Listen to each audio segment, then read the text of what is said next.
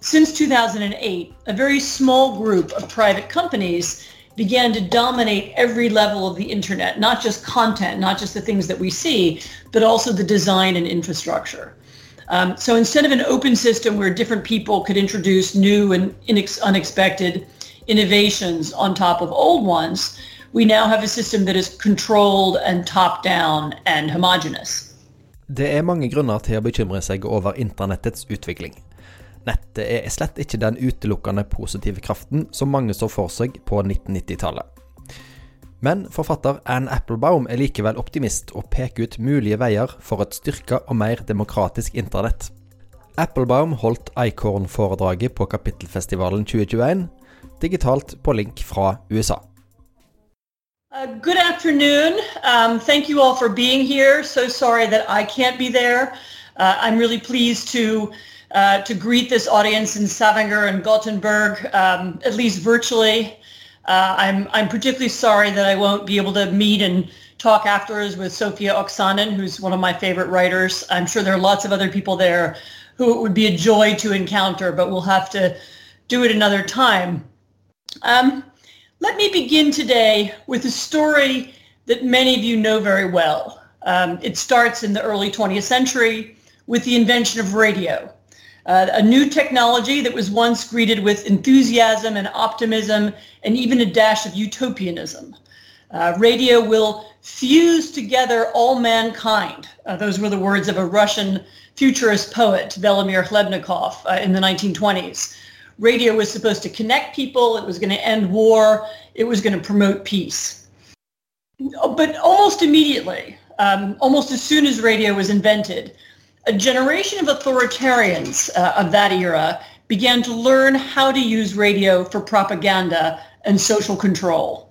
So in the Soviet Union, radio speakers in apartments and on street corners blared out communist agitprop. Um, the Nazis introduced cheap wireless radio. Um, at one point, Germany had more radios per capita than anywhere else in the world. Uh, in America, the new uh, audio information sphere was almost immediately taken over, not by the state, but by private media companies chasing ratings. Um, and one of the best ways to get ratings, it turned out, in that era was to promote hatred. So every week, more than 30 million people, this is in America in the 1930s, would turn into the pro-Hitler anti-Semitic radio broadcasts of Father Charles Coughlin, who was a Detroit priest who eventually turned against American democracy too. Now here's a bit that anyone British in the audience will know very well. Because facing this problem, seeing this explosion of hatred and, and what, what we now call disinformation in the radio sphere, in Britain, a very a, a visionary uh, uh, named John Reith, the son of a Scottish clergyman, began to look for an alternative. He was looking for radio that was controlled neither by the state, as it was in dictatorships, nor by polarizing profit-seeking companies. Um, Reith's idea was public radio, funded by taxpayers but independent of the government. And this would not only inform, educate, and entertain, that's the famous slogan of the BBC, but it would facilitate democracy by bringing society together. And here's a quote from Reith the voice of the leaders of thought or action coming to the fireside, the news of the world at the ear of the rustic, the facts of great issues, hitherto distorted by partisan interpretation, now put directly and clearly before them a return of the city-state of old. So this idealistic vision of a radio broadcaster that could eventually create a cohesive yet pluralistic national conversation, a democratic conversation, this idea eventually became the BBC. Uh, so I'm retelling that story today, not as a way to celebrate the BBC, which gets celebrated enough, uh, but as a starting point for thinking about the internet today. Because right now we are at a very similar moment. So not so very long ago, many people also believed that the internet was going to rejuvenate democracy. You know, look back at the titles of the books that were once written about the internet. You know, they were called things like Here Comes Everybody, The Power of Organizing Without Organizations, or Renaissance Now, Media Ecology and the New Global Narrative. You know, the internet was going to fuse mankind together, as that Russian poet um, Khlebnikov once wrote. It was going to break down barriers and create world peace. Um, throughout the 1990s and actually well into the first decade of the 21st century, many believed that the internet would, at the very least, would be good for democracy and that it would even rejuvenate democracy. You know, cyberspace would free people to speak. It would make dictatorship and control of information impossible. Um, it would, you know, lead to flourishing. You know, would create new and productive forms of politics and journalism, and it did. I mean, that that happened. Uh, people began experimenting with new media formats, so the online conversation, the curated debate, um, all kind, all ways of communicating online that hadn't been possible before, and brand new political movements, especially during the Arab Spring, um, use the internet in new ways to organize themselves too. And so an online public interest projects briefly flourished. Um, some of the fruits of that moment live on. So in 2002, the Harvard law professor uh, Lawrence Lessig helped create something called the Creative Commons license, which allowed programmers to make their inventions available to anyone online the website Wikipedia, which actually for all of the mockery once directed its way, has now emerged as a widely used and mostly unbiased source of information. Um, Wikipedia still operates under one of those licenses, a Creative Commons license. Um, and in fact, in some ways, Wikipedia is a glimpse of the internet that might have been, you know, a not-for-profit collaborative space where disparate people follow a common set of rules and norms um, that you know as to what constitutes evidence and truth, um, helped along by public spirited moderators. It's also important to remember that once upon a time there were many other such projects. So, for example, between 2007 and 2014, Brazilians from all classes and professions used a simple tool, a WordPress plugin, to collectively write an Internet Bill of Rights. And this document was eventually inscribed in Brazilian law, guaranteeing people freedom of speech and privacy uh, from government intrusion online. You know, but think about what that means: a, a, a, group, an online project to create the law that would that would create the rules of the internet. Um, there's almost no nothing more public spirited than that. But unfortunately, something happened on the road to internet utopia. Um, Ronaldo Lemos, who's a Brazilian lawyer and online activist who was behind that internet Bill of Rights project, recently told me that it wouldn't happen now. It would be impossible. He said, if we had launched that initiative today, it couldn't happen. Um, why? Because in 2021, a similar effort would be overrun by hordes of the fake accounts that now distort genuine discourse, particularly bad in Brazil, actually. Um, and the discussion, like all political discussions, would be reduced to hyper-partisan warfare instead of respectful engagement. You know, Brazilian political internet culture is now known not for its pioneering Bill of Rights, uh, but for the bot militias that Brazil's president, Bolsonaro, uses to bully his opponents online, as well as the disinformation campaigns that his supporters organize in closed messaging groups. But that's actually not accidental because in the years since Wikipedia was founded and the Brazilian Internet Project began, the fundamental design structure of the Internet itself has changed. So since 2008, a very small group of private companies began to dominate every level of the internet, not just content, not just the things that we see, but also the design and infrastructure. Um, so instead of an open system where different people could introduce new and inex- unexpected innovations on top of old ones, we now have a system that is controlled and top-down and homogenous. So on the content level, which is the level at which most people interact with the internet, most of us can see how the major platforms were redesigned to eliminate competition. So previously, users of Facebook had to go and search for profiles. So you, when you're onto Facebook, you would go and look for somebody's name. Um, but once Facebook introduced its news feed, it, they were fed a constant stream of information all day long, tailored to what the Facebook algorithms thought they wanted to read. And so mainstream journalism had to fight to get included into these news feeds and also had to learn to adjust their headlines and even styles of writing in order to appease the algorithms. Um, many of the brand new startup citizens journalism projects, the kinds of groups that had held so much promise 10 years ago, got knocked out completely because the algorithms didn't pick them up at all. And as they won market share, the platforms, Google, Facebook, used not only their monopoly power, but massive troves of data that they had collected to eliminate all the alternatives. But even while everyone could see that this was happening, fewer people understood that beneath the content layer, so the beneath the, the things that you see, operating systems like iOS and Android also began to narrow down the possibilities. Uh, Steve Jobs, at the first launch of the iPhone in January 2007, said, we define everything that is on the phone. What does that mean? So in practice, the companies were able to privilege their own products, their own cloud servers, um, and their own app stores. So even at the infrastructure level, you know, the kind of underlying tubes and protocols that connect cyberspace, internet service providers began offering free bandwidth and other privileges to giant companies like YouTube, while smaller websites were cut out of these kinds of arrangements. So this shift of power to a few giant companies was sealed by the emergence of a new advertising model. So instead of websites each handling their own advertising individually, most people began to outsource this task to companies like Google and Facebook. And those companies then began to track users across the internet and to sell advertising spots on their own platforms, which were, again, specially designed to capture attention and suck data.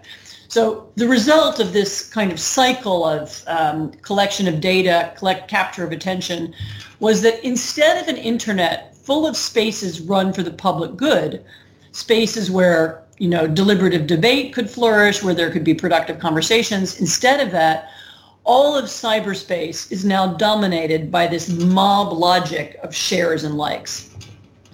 Now, why am I describing this to you in a lecture about democracy? And that's because there is a further consequence of these changes. In practice, they mean that online, we are not citizens in the full sense of the word. We don't control the data that we generate we don't have access to the algorithms that determine what information we see when we launch a Google search or look at a Facebook feed.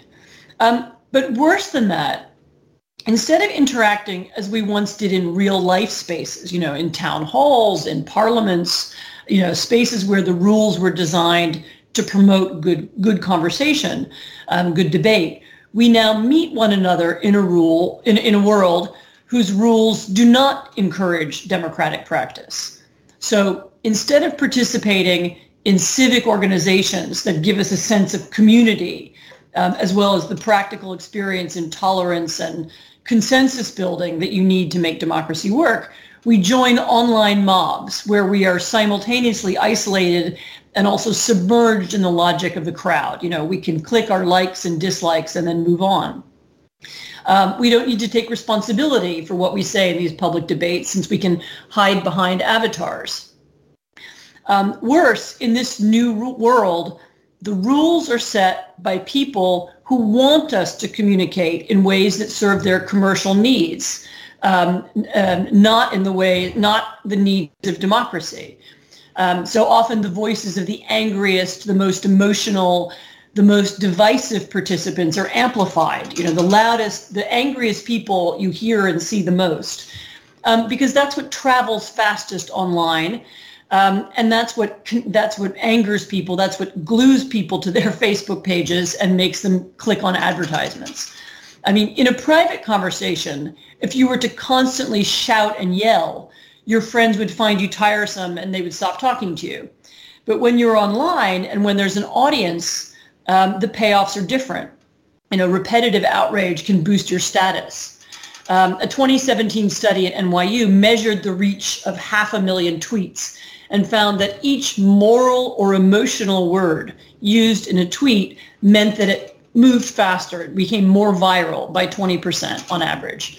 Um, another study has showed that posts that exhibit indignant disagreement, saying, I really, I completely disagree with what you just said, these receive nearly twice as much engagement, including likes and shares, as other types of content on Facebook.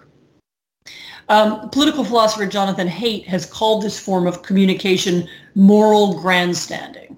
So grandstanders, people who show off on the internet, tend to trump up moral charges. They pile on in cases of public shaming. They announce that anyone who disagrees with them is obviously wrong, um, or they create exaggerated emotional displays. You know, nuance and truth are just casualties in this competition to gain approval of the audience. You know, grandstanders scrutinize every word spoken by their opponents and sometimes even their friends for the potential to evoke public outrage. You know, context collapses and the speaker's intent is ignored.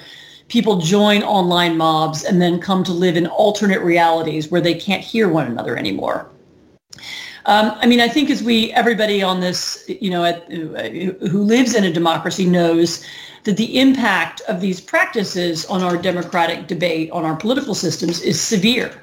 You know, we can't have shared institutions or apolitical courts or a professional civil service or a bipartisan foreign policy if half of our country literally can't hear the other half. I, am speaking to you from the US where it is about half and half. Some, in some European countries, it's 70-30, but the divisions exist in every one of our societies. Um, we can't create compromises that allow us to reform our institutions and our economy if we've come to treat all those institutions with contempt. Uh, we can't make decisions about anything really if we aren't able to use the language of compromise. Um, worst of all, we can't compete with the authoritarian world. Uh, I think all of us know by now what the authoritarian internet looks like. Um, there is an alternate internet. It's run by China. Um, and China's internet is suffused with the values of Chinese autocracy, surveillance, censorship, and control. And China now exports that model as well as the technology used to produce it around the world, Central Asia, to Africa, to Latin America. Um, we can decry or denounce these practices, and we do, but we don't really have an alternative to offer. So our version of the internet, which is an online world controlled by a tiny number of secretive companies, is also not a democratic world you know, maybe you could call it an oligarchic or an oligopolistic world. Um, but it's certainly not an attractive or appealing alternative for everyone. Um, it's not as if the American internet is something that people around the world look to and, and aspire to, you know, or the European internet or, or any of our internets. The, the Western internet um, looks like it's saturated by disinformation. Um, it's divisive. It, it doesn't pull people together. It, it creates, it's created this kind of dystopia. Um, we're not competing with the Chinese internet in that sense. We're not offering a better alternative. Um, but could such an alternative exist? Is it possible to conceive of what that might be? Um, until now, even those of us who most dislike the online world, um, and here at a book festival, I can I can guarantee there are a few of you, um, we haven't spent much time thinking about or trying to create an alternative. Um, instead, most of the conversation is about taking things down or breaking things up. Um, whereas once we were all internet utopians, we're now all dystopians. Um, and that leads to a narrowing of vision because it means that we don't spend enough time thinking about what a democratic internet could look like. you know, what would an, an internet based not on censorship and intimidation and surveillance, but on the values of openness, accountability, and respect for human rights. And before you say it can't be done, think about how democracies have tackled these kinds of problems before. I already offered you the example of the BBC. Um, here's another one. Uh, once upon a time, there was no such thing as a government scientist. There were no national organizations, for example, that monitored food safety. Uh, instead, there were independent scientists who measured water quality or they investigated pollution and they published their work. Um, but slowly over time, uh, they started national conversations and eventually the responsibility for monitoring food safety or pollution developed to governments. Um, also think about what other kinds of businesses we've learned to regulate. You know, international finance is a business that involves millions of people and billions of dollars and instantaneous transactions all over the world with lots and lots of people trying to cheat, and yet it is regulated. Um, in other industries, regulation has also evolved over time and taken different forms at different times. So think about automobile regulation, which started with the creation of rules for roads, you know, traffic lanes and traffic lights. And then slowly it regulated driver behavior with driver's licenses. Um, eventually, governments mandated the creation of safer cars, seatbelts, airbags, and other safety measures. By the same token, when thinking about the internet, it's also important to focus on what to regulate. So too many conversations about regulation start with the desire to just break up the big companies, which is an instinct I understand, but it's not necessarily productive. Um, right now, dozens of American states and the Justice Department are already suing Google for cornering the markets in search and digital advertising. Um, but while breaking up these big companies may have some benefits, you know, it could help diversify the online economy, it won't automatically be good for democracy. You know, why would 20 data-sucking disinformation machines be better than one? Other conversations focus on content, which is things that people want taken down, you know, what they want banned or, you know, or, or censored. But I think all of us have realized by now that complete regulation of internet content is impossible. Um, no democratic government is going to create some Orwellian ministry of truth, some body that examines every line that is written in cyberspace, you know, even if that were possible. And besides, it isn't the social media companies that are producing the commentary, photographs, and video that we see online. They rather organize, target, and magnify other people's content and data. So shouldn't that be their responsibility, the engineering and design of their systems? You know, in particular, aren't they responsible for the impact of their algorithms? Now, to some extent, regulators have begun to understand this. Uh, I think France has discussed appointing an algorithm auditor who would oversee the effects of platform engineering on the French public. Um, in the UK, there have been proposals that companies be forced to assess the impact of their algorithms on the illegal content distribution and illegal activity on their platforms. This is main, main, mainly things like child pornography. Um, the European Union's Digital Services Act calls for curbs on so-called inauthentic use and automated exploitation, especially if they harm civic discourse. And that means that one person writing a tweet would still qualify for free speech protections, but a million bot accounts, fake accounts, pretending to be real people and distorting debate in the public square would not. You know, is, is a bot, is a computer program, does it enjoy the rights to free speech? The EU argument is no. Now, it's true that Facebook and other platforms already track and dismantle inauthentic disinformation and amplification campaigns. They've all invested heavily in staff and software to carry out this job, but it's almost impossible to audit their success. So shouldn't the government, shouldn't governments or the public at least have a way to monitor what the platforms are doing? Shouldn't someone be able to, from the outside, ask how these systems work? Um, you know, who's, who's organizing them and towards what ends? I mean, I admit that some of the conceptual challenges here are pretty large. You know, who's going to draw the line between disinformation and civic discourse, you know, what exactly qualifies as illegal content. This is the problem the British government ran into. Um, but a deeper problem is the ingrained attitudes we bring to this debate. So most of us treat algorithms as if they were a, a recognizable evil or they were something that could be defined and controlled. Um, uh, but what if they're not? Uh, there's a Nathan Matias, who's a scholar, uh, an American scholar who's kind of migrated from the humanities to the study of online behavior, argues that algorithms are totally unlike any other product devised by human beings. Um, he writes that if you buy a car from Pennsylvania and you drive it to Connecticut, you know that it will work the same way in both places. And when someone else takes the driver's seat, the engine is going to do what it always did. Algorithms, by contrast, change as human behavior changes. So, so they they resemble not the cars, you know, or the coal mines that we've regulated in the past, but something more like the bacteria in our intestines. They're kind of living organisms that interact with us. Um, and so in one experiment, for example, Matias observed that users on Reddit, one of the social media platforms, worked when they when they worked together to promote news from reliable sources, the Reddit algorithm itself began to prioritize higher quality content. And so that observation points us in a better direction for internet governance.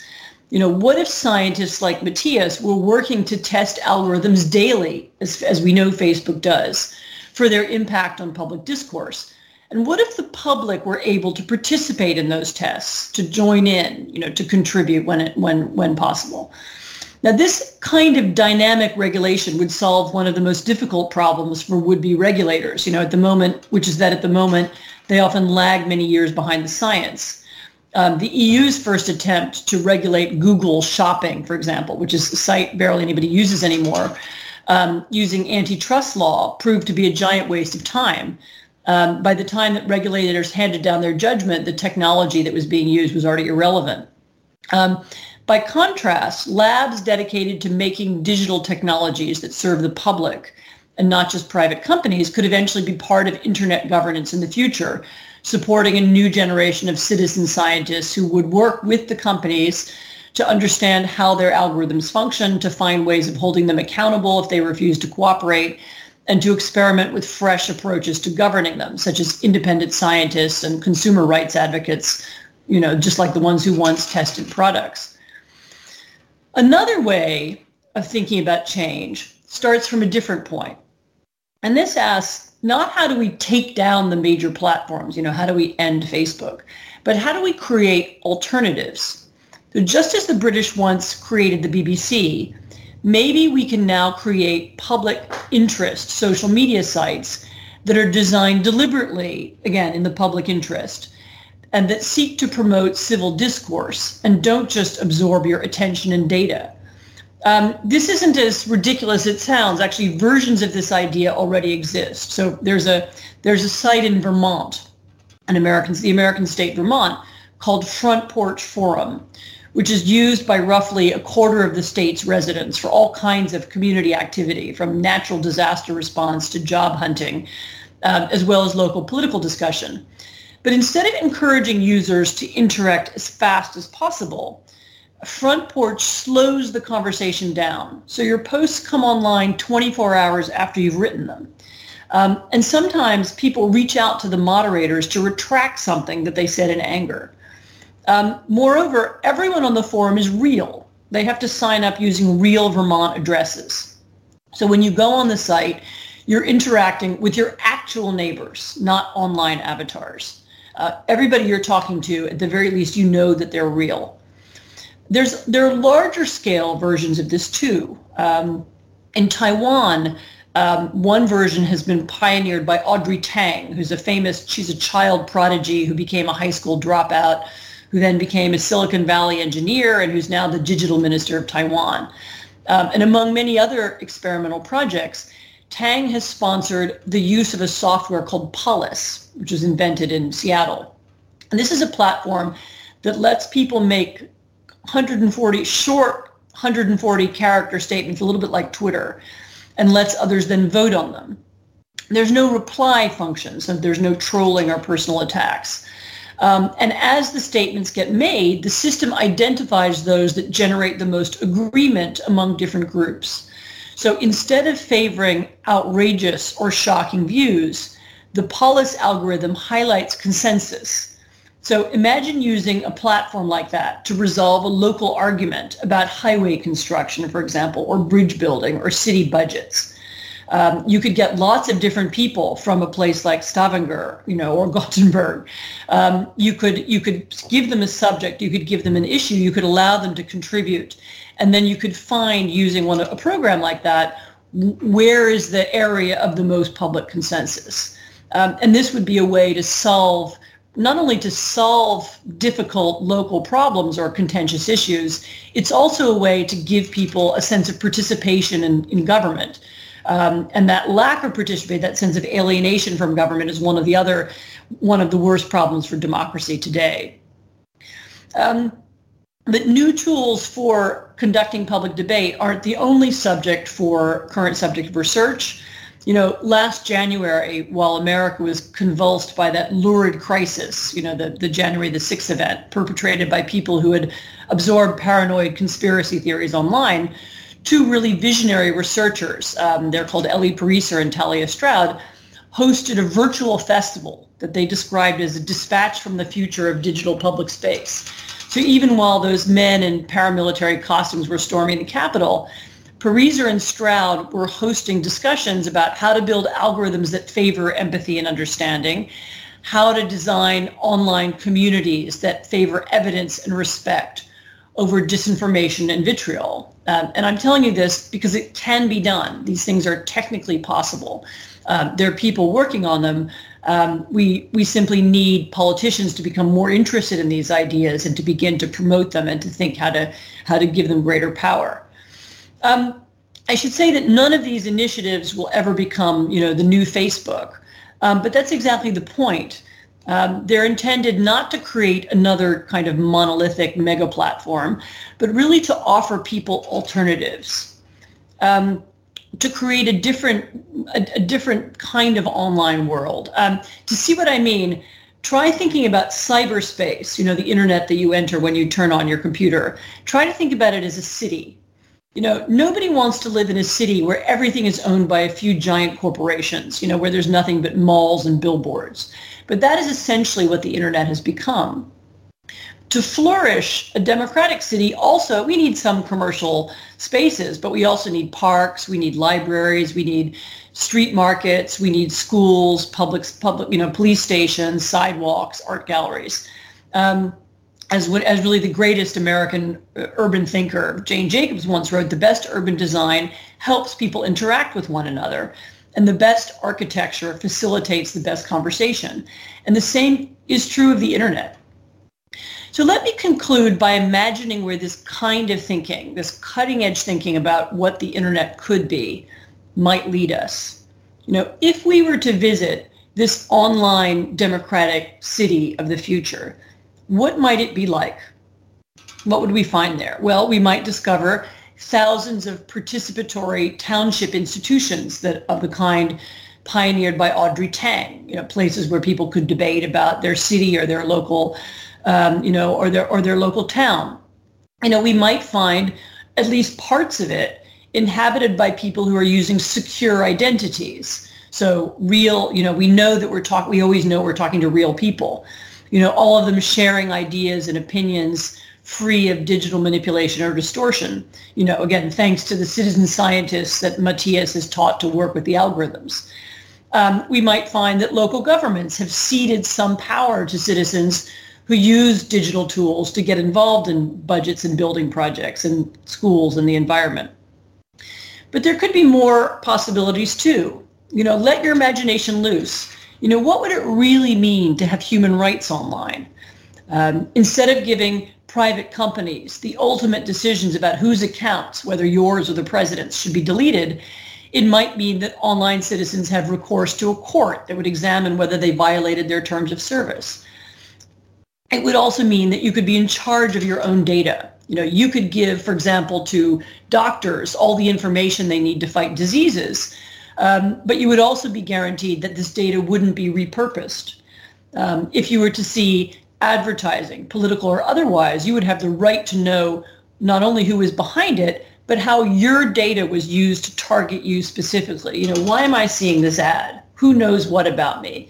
what do they think it what do they think it's how do they think it's going to affect me but there are other possible benefits too so rebuilding a civically healthier internet would give us common cause within our old alliances and they could help rebuild new ones you know relations between america and europe could have a new center and focus together we could create this alternative to china's closed internet or to russia's distorted disinformation machine we would have something to offer beleaguered Democrats, whether in Moscow or Minsk or Hong Kong, which is the hope of a more democratic space. We don't offer them that now.